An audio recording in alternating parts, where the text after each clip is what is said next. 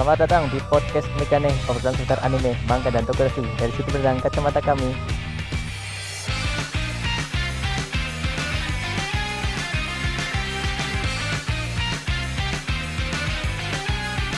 Yeay yeay yeay. Wah, lama sekali ini. Bintang Lama sekali sampai-sampai pas pembukaan tadi agak belibet sebenarnya, Ya agak kaku ini lidah. Gimana kabarnya Mas Ajib? Alhamdulillah ini gimana kabarnya juga? Ya alhamdulillah lumayan ya. Ini terakhir kita upload. Ini kapan sih? Eh, kalau upload podcast kapan sih? Ini Maret apa Februari ya? Waduh, ini sudah bulan Juni. ya makanya ini sudah sangat lama kita sebenarnya kita sempat eh, tag satu episode ya tapi Mm-mm. eh, belum sempat tak edit malah karena saya sendiri juga kurang apa kurang puas dengan hasil rekaman audio saya jadi aduh mau di fix agak susah mungkin nanti di dicoba lagi kalau gagal ya Siap, siap. tag ulang oke man karena kita juga udah lama nggak bahas eh, nggak rekaman ya Mm-mm. ya mungkin untuk episode comeback ini ya kita bahas yang yang ringan-ringan aja mungkin Iya. beberapa kalau dulu kan kita sempat merekomendasikan beberapa anime di season spring ini ya Mm-mm. tapi ternyata ada beberapa judul yang tiba-tiba aja tidak terduga langsung mencuat ke puncak klasemen ini man Iya, betul. mungkin ada beberapa judul yang pengen kita share hari ini man kira-kira yang pertama apa dulu yang tidak terduga ini lompatannya di season spring ini anime Ya yang jelas sekali masuk di semua media sosial ya. Mm-mm. Yaitu Tokyo Revenger, Pak. Wah, Tokyo Revenger oke serame itu. Wow, kok kira ceritanya klise kembali ke masa lalu bla bla bla bla bla bla. Iya, iya, iya. Saka- Sekali doang kok kira ya, maksudnya kembali ke masa lalu, misalkan masalah Ayas. selesai. Tidak rupanya. Tidak semudah itu. Eh, ternyata gimana? berlapis-lapis bisa ya betul sekali berlapis-lapis. Ini kalau eh, saya ini jadi pengen spoiler nih gara-gara sudah baca. gak apa-apa ini udah beberapa kali trending di YouTube saya kira udah pada nonton juga sih Hmm, ya, ya, ya. Oh begitu. Ya ini Tokyo Revenger. Eh, ntar dulu, Mas Najib ini nonton nggak Tokyo Revenger? nonton sampai episode 7 Nonton sampai episode 7. Oke oke. Ntar dulu episode 7 terakhir yang apa ya? episode 7 itu yang lagi festival di apa itu yang lagi festival kan festival kembang api atau oh apa iya gitu betul di betul. kuil betul. Oh itu yang mau Draken mau mati ya? si Draken Nah, heeh. Draken mau mati ya. Oh iya iya iya. iya. Ya ini aduh. Gimana ya? Mungkin dulu kita nggak merekomendasikan ini atau nggak dijadikan watchlist ini karena mungkin jauh men apa ya nggak sinopsisnya biasa mungkin ya dan Mm-mm, sebagainya. betul betul Ah, ah, tapi ketika kita lihat ininya si si eh, animenya ini luar biasa men. ini luar biasa. Serius, bener ini luar biasa dari apa namanya? Eh, dari gra, ga- kualitas gambarnya, kualitas gambar jelas itu jelas. emosinya yang terutama bikin ini banget sih ya emosinya sih si karakter utama itu siapa namanya? Takemichi Takemichi Hanagaki. Ake Hanagaki Takemichi. Belum lagi sama si Naoto itu adiknya. Oh ya adiknya si Mm-mm, Hinata. itu yang katanya bakal jadi visual. Tapi btw ini juga mau diangkat live action kayaknya deh sudah confirm kayaknya ya sih udah ada trailernya ya. Mm-mm, sudah confirm juga. Nah ini aduh. Sangat naik daun sangat naik daun Sangat ke. Revengers ini.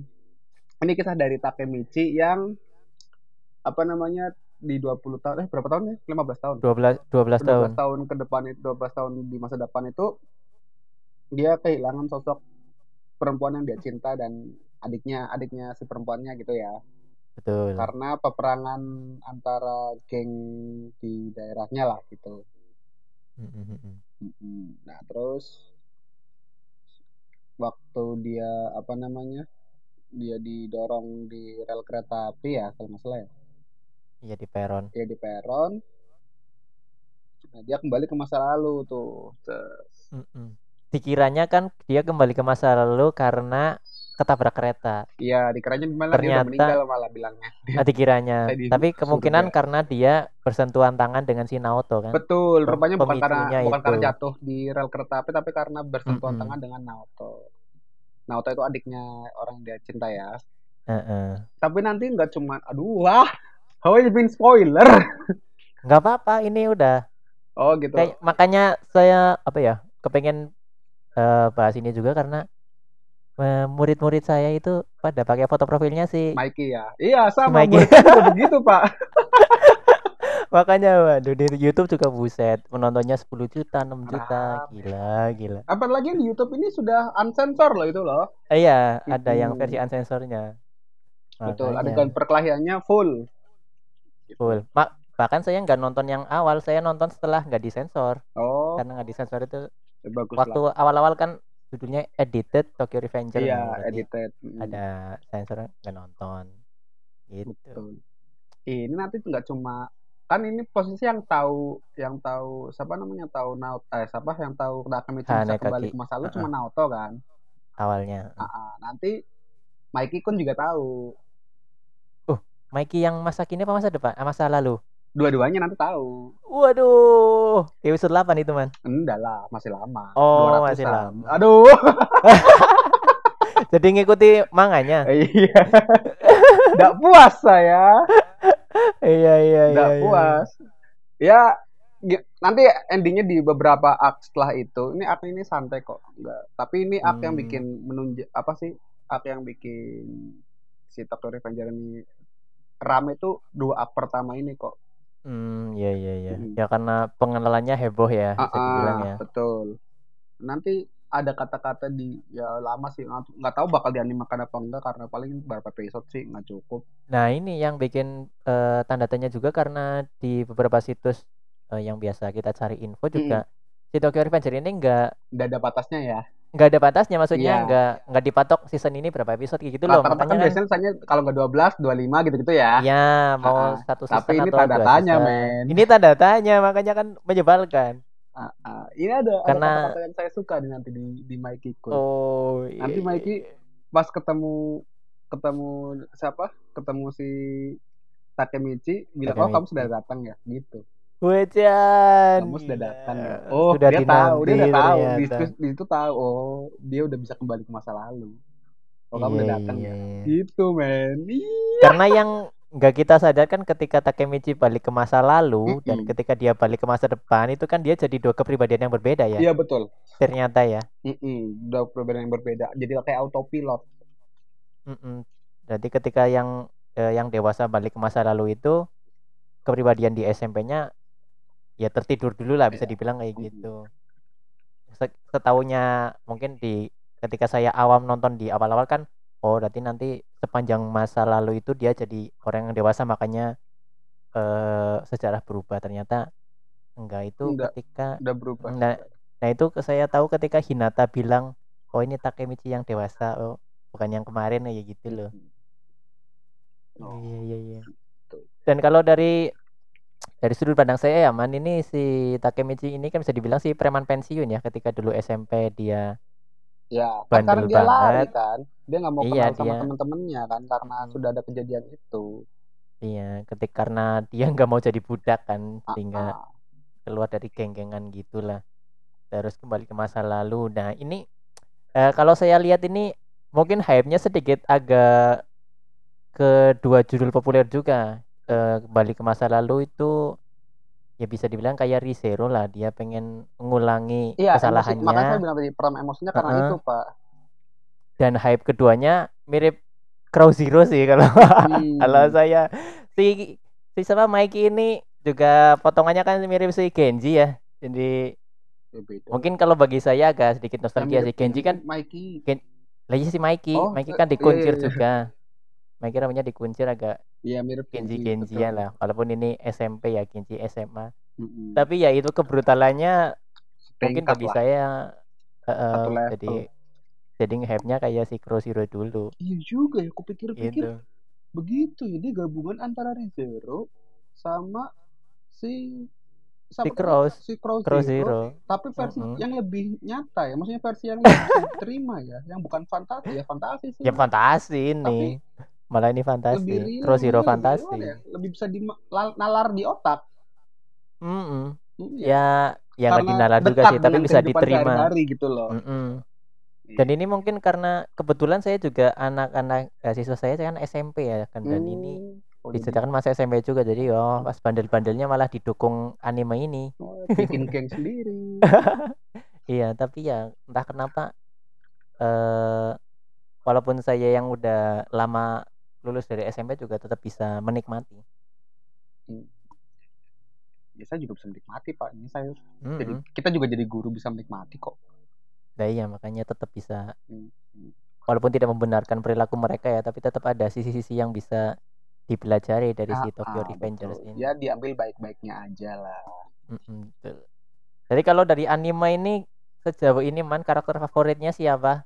saya malah ini sih lebih ke Draken Draken ya. iya Orangnya kalem ya. kalem tapi ya, ya aduh ngomong gak enak nanti deh buat tebak-tebakan malah- aja deh buat teman-teman tebak-tebakan Draken mati apa enggak Eh. gitu deh nah, Iya iya iya. Di animenya belum terkuak. ya. belum terkuat silakan tebak-tebakan Kalau saya ini malah apa ya? Kalau saya ini malah lebih senang Takemichi-nya nih. Walaupun si pengecut ya. Beberapa kali waktu dia nangis kayak saya ikut terbawa loh ketika Hmm, dia mengusahakan sesuatu yang iya iya iya. sebenarnya dia nggak mampu tapi karena ketidakmampuannya itu dia sampai menangis. Nah itu malah waduh. oh saya malah terharu waktu ini pak waktu dia bela-belain temennya yang lemah digantiin sama dia untuk berantem lawan Oh yang awal Mi- lawan Mio Masa sama Mino Miyamasa ya. heeh. Nah, Iya. tuh, tuh saya, wah, ini laki-laki man, ini gentle man, Mm-mm. Padahal dia udah meninggalkan dunia itu ya Hmm. karena ini kan Takemichi yang dewasa yang waktu Dan itu nantang si Kyo loh. Kiyomasa. nyari apa nyaris bikin temannya jadi kriminal loh, Iya si Akun luar biasa. betul betul. Dengan keberaniannya, dengan yang dia tahu bahwa dia pasti kalah, dia pasti babak belur, dia pasti kesakitan, tapi demi teman men, demi teman. Hmm. Teman. Nah ini bisa diambil nih positifnya nih tuh. Iya positifnya masih Rela ada. berkorban demi teman. Gitu. Betul. Nah. Dan ya ya si di situ juga kan si, ketika Draken sama si Mikey datang juga kan mereka juga nggak suka kan perilaku tabung orang itu Iya, sabung orang. perilaku ya adu domba lah demi kepuasan yang lain judi nggak suka gitu Tokyo Revengers ya Iya, Revengers sih ya, apa sih pembalas dendam ya? Apa Pembalasan, dendam heeh. kembali ya? Mm-mm. Padahal kan tujuan awalnya demi menyelamatkan Hinata, tapi Iya. ternyata setelah si Takemichi-nya menyelam ke masa lalu, oh, ternyata ada banyak orang yang bisa dia selamatkan dengan kepengecutannya itu. Karena ada kata-katanya si siapa namanya? Kata-katanya Naoto waktu eh kata-katanya Takemichi sendiri waktu ke- ngomong ke Naoto bahwa kamu dia harus jadi orang besar, harus jadi polisi untuk menang apa sih Hmm, jadi iya, mengamankan iya, kakakmu dan sebagainya. Dia Menyelamatkan pegang teguh itu. Set 12 tahun kemudian saya udah jadi polisi tapi saya tetap gagal menyelamatkan Iya, menyelamatkan kakaknya siapa? Hinata, Hinata. kakak saya. Jadi orang yang harus saya cari adalah Anda Takemichi. Itu masa depan yang berubah pertama ya, Iya. ketika Naoto bisa menyelamatkan bisa jadi polisi. Iya, iya, Itulah. ya Tokyo Revenger lah udah pasti recommended inilah kalau belum nonton langsung tonton aja Mm-mm, langsung tahu. kalau mangkanya ini udah berapa chapter man Indonesia atau Inggris atau Jepang? ya Indonesia paling yang 130-an lah, kalau Indonesia ratusan kalau yang Jepang udah udah 200-an. oh dua ratusan Mm-mm. Oke, dari itu 2017 ya Iya, udah lama. Dan saya kenapa baru tahu ada manga seperti ini bagusnya? Eh, Nah, akhirnya saya berarti- lebih suka baca mas dibanding nonton Hmm. karena apa sih baca bisa kapan pun kalau nonton saya harus lewat laptop Iya. nyaman kalau nonton lewat HP saya. ya nonton eh baca paling cuma One Piece yang biar gak Hmm. ketinggalan berarti cukup lama juga ini judul buat dapat serialisasi ya Iya, cukup empat lama. tahun men Hmm. nunggu Tapi momennya seriat. pas sih ini sih. tapi momennya pas dan Ah, tidak mengecewakan sama sekali penantian yang yang pantas lah buat Pantas Tokyo lah ya. Revengers.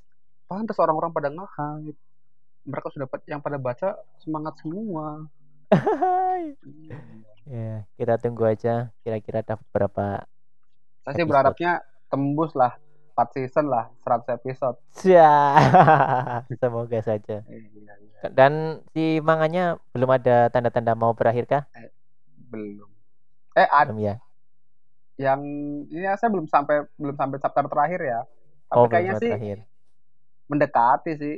Udah menuju ya. Iya, Sedang- karena Mikey kan udah tahu bahwa Takemichi bisa bolak-balik masa lalu, Hmm, udah ketemu Iya, iya, iya. juga di ba- baik di dunia eh baik di re- apa baik yang di real sama yang di tahun masa depan sama masa belak masa lalu.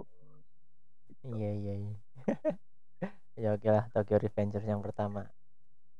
Kalau saya ini juga ada satu anime yang unik ini kalau menurut saya judulnya Gokushu Fudo Tentang apa tuh? versi Inggrisnya itu The Way of the House Husband. Jadi ini ceritanya adalah tentang yakuza yang taubat dan menjadi bapak rumah tangga. Ini juga cukup unik nih. Yakuza yang tobat untuk jadi bapak rumah tangga. Iya, jadi dia ini dikenal sebagai yakuza yang salah satu yang paling kuat, nggak pernah kalah. Oke. Jadi dia yang apa ya julukannya? Jul- Pokoknya julukannya naga yang tak terkalahkan lah si. Ya, orang ini. Kalau nama karakternya namanya Tatsu. Terus suatu hari dia ketemu dengan seorang cewek bernama Miku. Di situ dia jatuh hati dua-duanya. Terus entah menikah atau enggak ya, pokoknya dia mereka tinggal bersama gitu. Dan Mikunya ini uh, udah kerja, punya pekerjaan yang bagus. Nah, Tatsunya yang bertugas untuk mengurus rumah tangga gitu. Hmm. Ini agak unik. Ini agak relate sama saya karena eh, tahun lalu kan saya sempat nganggur ya beberapa bulan dan jadi bapak rumah tangga juga gitu udah. Oh iya iya iya. iya. Ya ini represent lah bagaimana ketika eh, laki-laki yang ngurus rumah tangga itu juga sebenarnya bisa bahkan di anime ini malah digambarkan si cowoknya ini bisa lebih bisa mengurus rumah tangga ketimbang si cewek. Jadi Oh. masaknya lebih enak, kalau nyuci baju lebih bersih, beres-beres rumah lebih rapi. Goku Shufudo. Goku Shufudo. Goku Shufudo. Shufudo. Oh, Oke. Hmm. The Way of the House Husband. Hmm. Kayaknya terakhir tayang di Netflix deh. Gitu. Oh, Dia Cuman Netflix juga. kalau nggak salah ya. Dan yang tapi uniknya man, ini eh kayak apa ya? Satu episodenya itu 24 menit itu bisa terbagi ke beberapa judul kayak gitu. Oh. Jadi kayak sketsa-sketsa pendek aja. Iya. Mm-mm. Dan animasinya pun unik juga kayak apa ya? Digambarkannya itu kayak eh kayak manga yang apa sih? Stop motion ya gitu. Ada berantemnya nggak Pak? Berantemnya ya berantem karena ketidaksengajaan dan kesalahpahaman Oh. karena dia kan mantan yakuza terus kadang-kadang dia Saya lihat posternya nih, unik. Dia muka-muka garang Yakuza tapi pakai sap apa namanya? Ya, pakai apron, pakai apron apron. anjing ya, luar biasa. Shiba Iya. Inu pula. Nah, itu. Nah, itu kadang ya perkelahiannya kayak gitulah nggak sengaja dia habis pulang belanja Hmm. terus papasan sama yakuza berantem itu kayak gitu kayak gitu. Nah, yang unik dia juga walaupun dia mantan yakuza karena tanggung jawabnya sebagai bapak rumah tangga, dia gabung sama ibu-ibu PKK. Ah? dia itu gabung ke perkumpulan ibu-ibu PKK gitu. Jadi kadang ada workshop masak dia ikut gitu, ada yoga dia ikut sama si ibu-ibu PKK itu. Jadi unik lah kalau menurut saya lucu. Nah itu eh, cuman ya itu menurut eh, seperti yang saya bilang tadi animasinya itu kadang animasi ya halus, kadang animasi kayak stop motion gitu, kayak potongan manga digerakkan kayak gitu. Oh gitu. Kalau saya sih tetap bisa menikmati ya, tapi siapa mungkin nggak semuanya bisa. Ini siapa Pak? Apa sih? Produksinya siapa? Produksinya bentar. Ya Netflix. Oh ya Netflix ternyata. Oh Netflix. Netflix. Oh, ini Kalau pengarangnya sih 2018 itu Pengarang. sudah. Itu 17 12 malah. ya. Kosuke Ono Sensei. Oh 18. Kosuke Ono. Ada 7 volume. Mm-mm. Oke oke oke oke. Makanan tas. Nah Saya, itu saya nonton deh. dicoba aja. Ah, ah. Cuman ya itu nggak tahu yang di manganya ya karena Ada saya ada belum ini ada ada live actionnya apa 2019? ada live actionnya tuh. Oh video promosi laga hidup li- live action. Oh gitu. Cuma beberapa adegan dari manga aja sih. Heeh. Nah itu karena saya juga belum eh, berlari ke manganya, maksudnya manganya itu seberapa panjang kayak gitu ya. Hmm. Jadi kalau di animenya sih cuma belasan episode, eh 10 malah. Oh sudah selesai. Udah selesai, makanya itu. Karena satu episode itu ada beberapa sketsa, jadi kerasa ya jadi cepet gitu. Nggak tahu kalau di manganya ya sepanjang Oke, apa. oke, oke. Itu tapi itulah satu judul yang tiba-tiba aja saya tonton dan dan cukup unik juga dan menarik buat saya sih itu Way of the House Husband Kokushu Fudo. Lanjutnya ada judul apa lagi man yang menarik ini? Kemarin saya merekomendasikan Hige Hero nggak sih? Hige Hero itu sempat saya apa ya? Ya kalau di YouTube sih seliweran ya. Maksudnya Ah. waktu episode tra- episode terakhir kita bahas nggak kita bahas ya Hige Hero. Enggak, enggak enggak ada Hige Hero. Udah ada ya. Ya itu yang tiba-tiba aku tonton juga sih. Hige Hero. Uh, Tentang apa itu?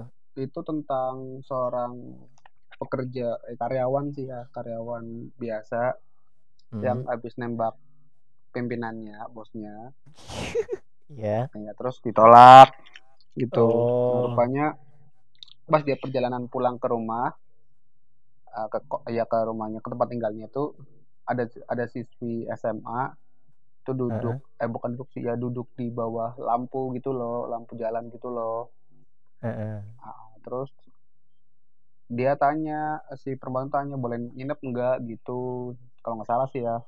Mm-mm. nah terus ba- dibawalah ke rumah gitu. Dibawa ke rumah. Nah si eh, tokoh utamanya namanya Yoshida. Terus tadi cewek yang di lampu itu namanya si Sayu. Nah dia Sayu tuh kabur dari rumah gitu loh pak. Sudah enam bulan nggak punya tempat tinggal gitu loh Oh iya. tapi dia eh, cara dia dapat tempat tinggal adalah dengan berhubungan seks dengan berbagai pria untuk bisa tinggal di Oh, rumahnya iya, mereka gitu loh. Iya iya iya. Nah, tapi ini Yoshida nggak mau. Yoshida waktu waktu apa namanya waktu bawa pulang dia dia dia ngomongnya bikinkan sop miso apa ya? Heeh. Sorry ada anak-anak. Pokoknya dia nggak mau berhubungan seks tapi tetap menampung si Sayu. Iya nampung si Sayu untuk hari itu ya. Untuk hari itu dia bilang begitu. Nah, ah, si siapa namanya? Si Sayu besoknya bikinin sop miso kan, gitu. Nah, si Sayu sendiri juga goda-goda terus, goda-goda terus. Oh. Ah, ah, Yoshidanya nggak mau, emang ya enggak dan sebagainya. Iya kan habis ditolak Mm-mm. juga. Iya, habis tolak juga. Nah, sini Yo- Yoshida mikir, ini kebedapan dunia mana sih yang bikin cewek sama kepikirannya gini? Oh iya. gitu loh dia akhirnya dengan dengan hati yang besar dia mau kasih tahu bahwa nggak semua cowok tuh brengsek gitu loh dan kamu layak bahagia nggak Wijian. kamu nggak Iya iya. Kasarnya kamu nggak bi- nggak boleh berpikir seperti kamu kayak PSK dan sebagainya gitu loh Mm-mm. kamu Iya. harus bisa mandang hidup lanjut dan sebagainya bla bla bla itu ke situ sih pas pas dia mulai eh, terus masih gak enak si Sayu ini nah terus saya ngasih apa gitu terus bilangnya Hmm. Yoshida bilangnya ya udah kamu kerjaan kerjaan rumahku aja udah bersih bersih Oh. apa apalah iya. ya gitu ya gitulah bersih bersih dan sebagainya. Tapi tanpa tetap sekolah ya si Sayunya. enggak kan kabur. Oh, jadi dia kabur nggak sekolah juga. dia sampai bikinin bekal untuk Yoshida dan sebagainya. Sampai orang-orang di kantor tuh bingung ini Yoshida udah punya pacar ya? Gitu loh. Iya iya. Bingung apa kayak ya gitulah kayak kok lebih berwarna hidupnya? dan sebagainya. Sampai pimpinannya manggil lagi Oh, cemburu kan? enggak sih pimpinannya manggil lagi Oh. tanya kamu punya pacar enggak? Enggak dan sebagainya. Terus pimpinannya malah bilang aku suka sama kamu. Sebenarnya tapi nggak berani- nggak berani ngomong waktu itu. Waktu kamu nembak itu kayak saya masih mikir lagi. Aku senang tapi bingung gimana ngomongnya sebagainya gitu. Eh, nah terus Yoshida bilang "Eh, apa sih nggak adil bagi saya untuk nembak dirimu lagi mending kamu yang berusaha untuk dapetin saya gitu. Sakleknya Keren gitu juga kan nih Yoshida Yoshida dia bilang gitu Iya iya iya. nah iya, habis iya. itu terus tanya kenapa akhir-akhir ini ada bekal dan sebagainya si atasannya yang dia suka namanya Goto Goto Goto Goto Goto Goto Eh. sana dia jujur ada ada cewek yang tinggal di rumahku bla bla bla datang lah Heeh. tuh si Yoshida ada eh, Yoshida si Goto datang lah ke rumah tuh ketemu si Sayu itu. Nah di situ mereka curhat tuh. Walah. eh, iya bahwa ngasih tahu si Goto kan sebagai orang lebih dewasa Heeh. tapi tidak berpengalaman dalam cinta. Dia ngasih tahu bahwa eh, si- eh, kehidupan SMP dan SMA itu kehidupan yang spesial. Kita nggak bisa memilih untuk menjadi siap menjadi apa pun. Kamu harus jalani Iya. ya. Logis juga sih. Di di usia di usia 12 sampai 17 tahun kita nggak bisa milih jadi apa. Harus jadi anak SMP sampai anak SMA Betul. Ah, ah, dia bilang gitu intinya. Dan masa depan kamu yang tentukan tapi jangan terlalu sering merepotkan Yoshida karena Yoshida juga mau menolong kamu menolong kamu karena ya nggak nggak enak aja. Dia nggak bisa selamanya membesarkan kamu. Ini aja Yoshida nih, apa namanya men- mengizinkan kamu tinggal di kosnya aja itu bikin dia kena pasal gitu iya Eh. kam- kamanya gitu dikira menculik dan sebagainya kalau ada polisi dan Iya. sebagainya kan kena tuh Yoshida Di bawah umur gitu. ya. ah di bawah ya. umur ah, ah.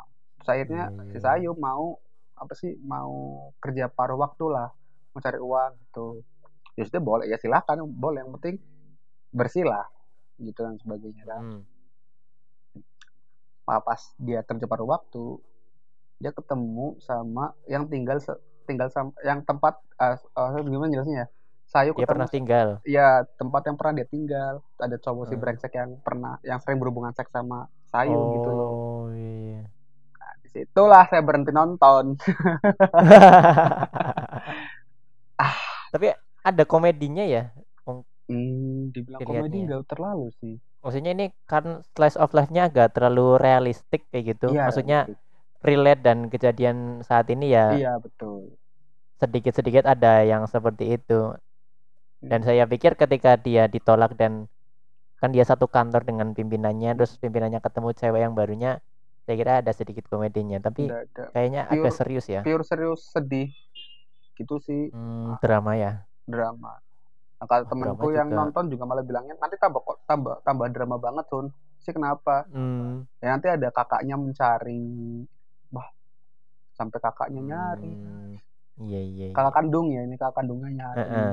Terus yonya keluarganya nyari lah dan sebagainya gitu. Ya, yang nggak aku tonton lagi sih. Kayak Iya, gitu. ternyata serius juga ya. Tapi ya menarik juga sih cerita awalnya. Yang bikin menarik itu cara Yoshida ngerubah prinsip Mm-mm. hidupnya si Sayu Yang udah menyimpang. yang sudah menyimpang, yang mentalnya itu udah mental rusak gitu loh Iya. ke situ. Iya, iya, iya. Ya, jadi uh, dia berusaha seba- semaksimal mungkin bahwa apa namanya?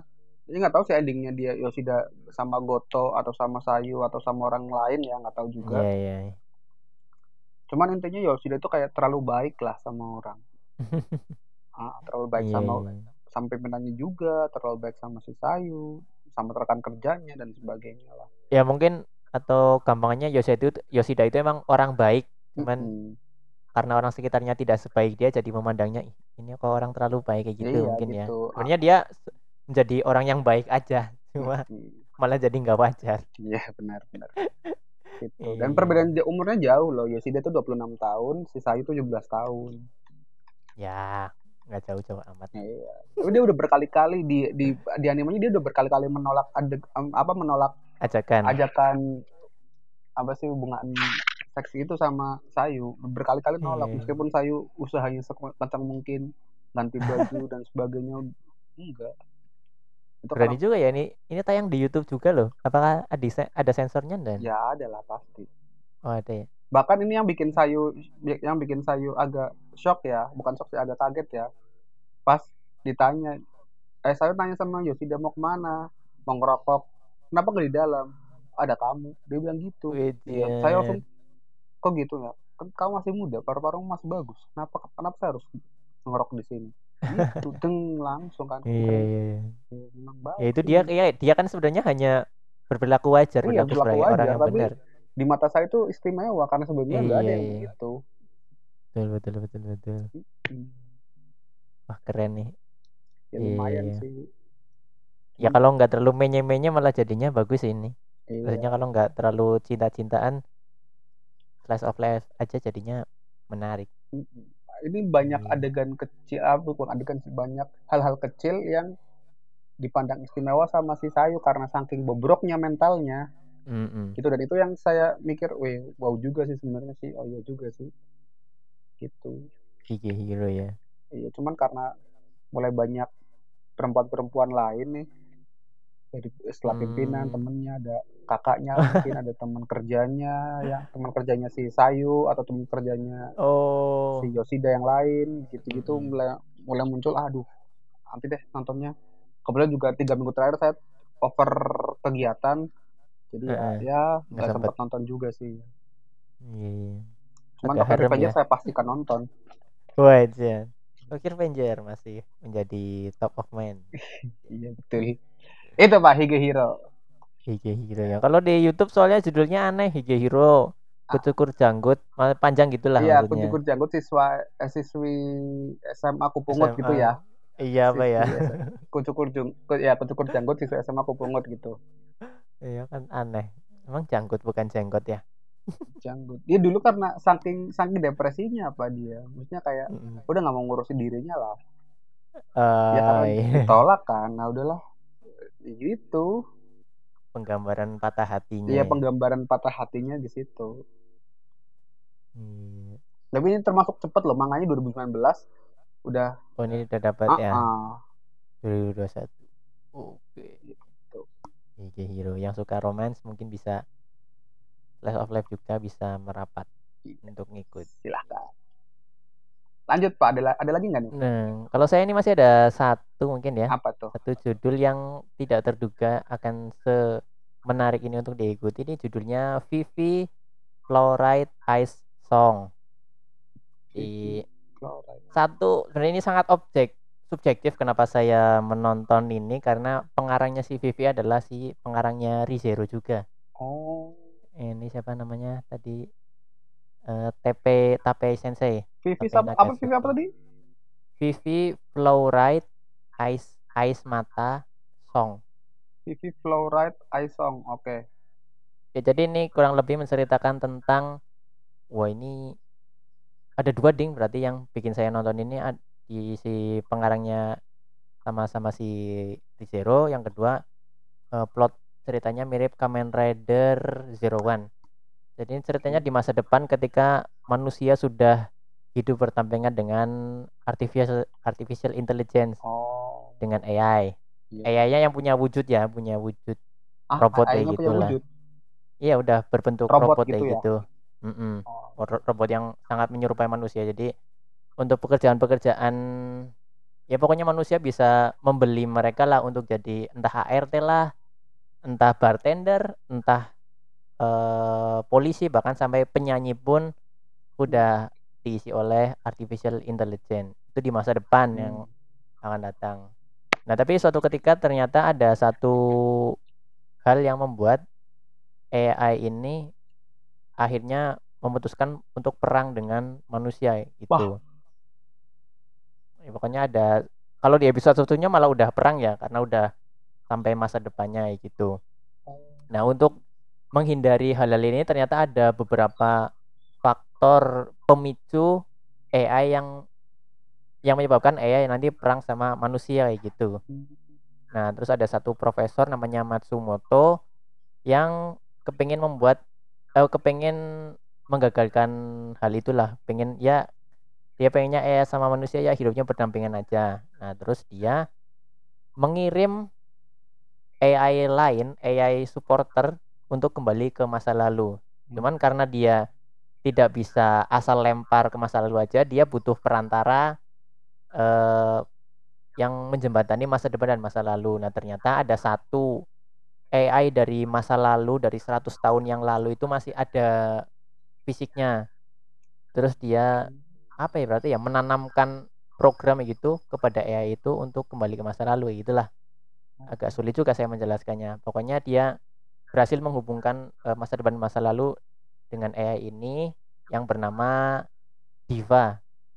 AI-nya itu namanya Diva. Diva ini seorang penyanyi. Jadi dia itu tugasnya hanya membuat orang bahagia dengan nyanyiannya itu. Mm -mm. Tapi karena dia satu-satunya AI yang masih bertahan hingga 100 tahun ke depan, jadi uh, kuncinya ada di Diva itu. Nah, Diva ini ternyata punya satu penggemar anak kecil yang suka memanggilnya itu namanya Vivi kayak gitu. Jadi ketika dia jadi nanti dia punya dua nama lah walaupun bukan dua kepribadian dia punya dua nama itu Diva dan Vivi pokoknya Diva itu ketika dia di depan panggung Vivi itu ketika di belakang panggung kayak gitu nah nanti program supporternya Matsumoto itu berhasil ke masa lalu berhasil ketemu si Diva ini dan nanti Matsumoto yang mengarahkan si Diva ini bahwa nanti ada kejadian ini kamu harus menggagalkan kejadian itulah agar tidak terjadi supaya tidak memicu peperangan manusia dan AI itu. Ini saya nah, lihat nanti, posternya Matsumoto kok beruang ya? Matsumoto itu ya program yang tidak berfisik malah bentuk pertamanya itu kotak aja, kotak bermata satu gitu. Pokoknya oh, dia gitu. cuma program, mm -mm. cuma supporter. Ya pak, tapi dia udah termasuk AI yang paling canggih lah untuk masa 100 tahun yang lalu itu. Udah paling nah, nanti ya. mm -mm, nanti beberapa kejadian-kejadian itu disebutnya singul singularity point. Jadi nanti ada beberapa checkpoint nanti kejadian ini harus dibereskan. Nanti beberapa tahun ke depan ada kejadian lain harus kamu bereskan kayak gitu. Nah, kalau di Vivi ini eh, cara atau gambarannya nanti satu singularity point itu terbagi ke dua episode lah. Sekarang udah kalau nggak salah mau episode ke-11 berarti kurang lebih udah ada 5 singularity point atau 4 singularity point kayak gitu. Nah, tapi karena jaraknya yang berjauhan, kadang si divanya ini bahkan yang di terakhir itu divanya ini udah pernah keriset jadi dia lupa sama si Matsumoto. Ah, ah, tambah susah. Dia Nah, iya makanya dia uh, kepribadiannya udah berubah karena keriset. Dia lupa sama Matsumoto tapi ternyata masih ada memori-memori sisa yang membuat dia tetap walaupun dia lupa sama Matsumoto tapi dia tetap mau untuk uh, bekerja sama lah untuk menggagalkan kejadian tertentu kayak gitu. Hmm. Kayaknya 40 tahun deh dia 20 atau 40 tahun gak ketemu Matsumoto kayak gitulah. Sampai ke riset. Kayak gitu. Ini udah ke singularity keempat atau kelima kayak gitu. Oh. Dan nggak tahu nih ada berapa singularity kalau kurang lebih kayaknya ada 13 episode ya rencananya yang direncanakan. Ya, mungkin segituan sih. Iya, dan 13 episode jadi udah hampir final juga. Nah, itu tapi kalau bagi saya karena ini sangat subjektif itu tadi karena saya senang karyanya Tape Sensei yang bikin Rizero juga dan karena eh, gambaran ceritanya mirip dengan Kamen Rider Zero One. Nah, permusuhan antara manusia dan artificial intelligence. Tapi di situ animasinya bagus lagu-lagunya juga enak karena emang karakter utamanya penyanyi jadi saya tetap senang ini mengikuti si Vivi ratingnya juga cukup keren 8,51 di My Animalist gitu untuk si Vivi ini. Tapi tapi ya beberapa temanku juga ada yang nanya sih emang Vivi bagus? Saya nonton episode satunya pusing katanya kayak gitu. Iya, ya ya ya gimana ya? Saya juga belum belum tertarik sih dengar tadi pak. Saya pun nggak tertarik man saya tertarik pertama cuma karena si pengarangnya itu hmm. oh ini yang bikin Rizero kita coba tonton satu dua oh ternyata terusnya saya ngikuti gitu karena saya bilang karena makanya saya bilang tadi sangat subjektif ya itu alasannya tapi sejauh ini kalau bagi saya uh, Vivi cukup menarik itu. Masih ada judul lain man mungkin yang tidak terduga bisa. Nggak terduga sih ini, cuman saya maksa nonton karena saya rindu. Ya itu. Rimuru Tem Tempest kan Oh, nggak nggak relate sama Tensuraniki. ceritanya sama Walah, iya iya iya. manga iya. juga nggak relate mana nggak relate di light novel juga nggak nggak dimasukkan kayaknya Emang cuma cerita selingan sebenarnya ya. Selingan Itu gimana saya terlalu penasaran saya manga sudah mentok juga bingung nunggu nunggu lama banget Iya iya iya. tonton iya. lah ini Tensuraniki mungkin ceritanya ya aneh-aneh bahwa ber- ada yang bertanya-tanya kenapa slime nggak ada cuma cuma ketemu tempest doang gitu. Iya iya. rupanya dikonsumsi slime katanya enak di musim panas kali begitu gitu sampai lari Rimuru ada juga bahas tentang Iya. bagaimana berkebun lah. Terus sekolah sekolah goblin. Berarti ada Gopta di situ, Gopta sekolah. enggak. Anak untuk anak goblin anak-anak Oh, anak. iya goblin yang masih ter, yang muda-muda sekali lah. Di situ ya unik lah. Terus pada eh, apa namanya ah, gurunya tuh si siapa tuh goblin yang perempuan lupa lah. Tuh bilang ini anak-anak pada pada ngefans sama Rimuru sama mau gambar Rimuru sama gambarnya bulat semua cuma Gampang ya. gambarnya bulat semua. Gak jadi terharu Rimuru. Ya begitu Iya iya. ya setidaknya mengobati inilah. Ya namanya cerita selingan ya Iya, daripada selingan, gitu. dibikin filler yang aneh-aneh mending dibikin komedi Iya, sekalian. bikin komedi sekalian. Ad- Apa namanya? Adu kesetiaan antara Rangga sama Sion lah. sebagainya. Wejan. Iya iya. Gitu-gitu lah. di situ si si apa? Eh, pengikutnya yang terakhir yang dari klan iblis sudah ada belum? Diablo belum ada di Diablo, sini. iya. Udah ada? Belum ada. Oh belum ada. Iya, ini kan ceritanya Oh. sebelum itu, waktu tenang-tenangnya membuat negara lah, Oh iya. iya. gitu. ada juga bahas si siapa? Si- yang yang mata-mata Ki, Kijin sama Oh, yang- Kijin yang biru. Yang ninja ya? Iya lo ya. Soe ya, Soe ya. Kayaknya ya Soe. Iya Soe sama si Dragonyet yang perempuan. Oh iya. Itu gitu gitulah. Nah ada festival, bikin festival juga. Festival terus adu akurasi. Soe ngelempar su- kunai asli ke salah satu hadiah. Eh, di mana hadiahnya itu gabiru gabiru Oh, Pa- patung Gabiru. gabiru terus dia lempar pakai Heeh. kunai asli Heeh. terus dilihatnya dilihatnya Soe kok jelek ya dikasih lah sama si a- si apa namanya si yang cewek itu yang dragonit yang cewek.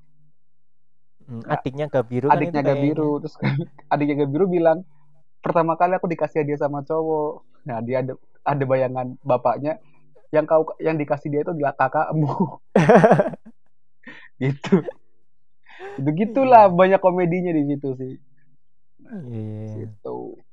Ya ya karena saya terlalu hype baca sampai terakhir sih ya jadi butuh butuh mere, apa sih Iya. ngilangin rindu lah gitu Ya nggak apa-apa kalau Tensura kan nanti Juli juga summer ini udah ada lanjutannya. ya tapi Part kedua. ya saya lebih penasaran tinggal sebulan lagi. pak itu pak Oh iya. oke kalau apa ya itu sih yang nggak terduga saya tonton Iya iya. Iya. Berarti kayaknya udah nih kalau saya cuma ya itu tiga eh Sama. dua itu Tokyo Revenger sama Vivi. Yang lainnya udah pernah saya sebutkan di Hmm. anime season spring yang lalu. Betul. Itu man ternyata episode ini juga tidak terduga. Saya pikir cukup 20 sampai 30 menit. Ternyata ini udah sampai 40 menitan. ya paling dia itu juga nggak segitulah Ya segitulah. Karena cukup bersih juga untuk episode kali ini. Nah, oke Tapi bagi teman-teman mohon maaf juga kalau kita udah Iya, lama nggak maaf ya nggak upload ya. Ini masih nuansa Idul Fitri nggak sih? Mohon maaf lahir dan batin. ya mohon maaf lahir dan batin Semoga nanti eh, kita bisa agak rutin lagi untuk bikin episode-episode terbaru dan bahas anime-anime yang tentunya tidak habis-habis sampai sekarang ya. iya betul kalau gitu terima kasih untuk yang sudah menonton sampai akhir. Saya Nagi pamit. Pamit. Sampai jumpa di episode selanjutnya. Bye bye.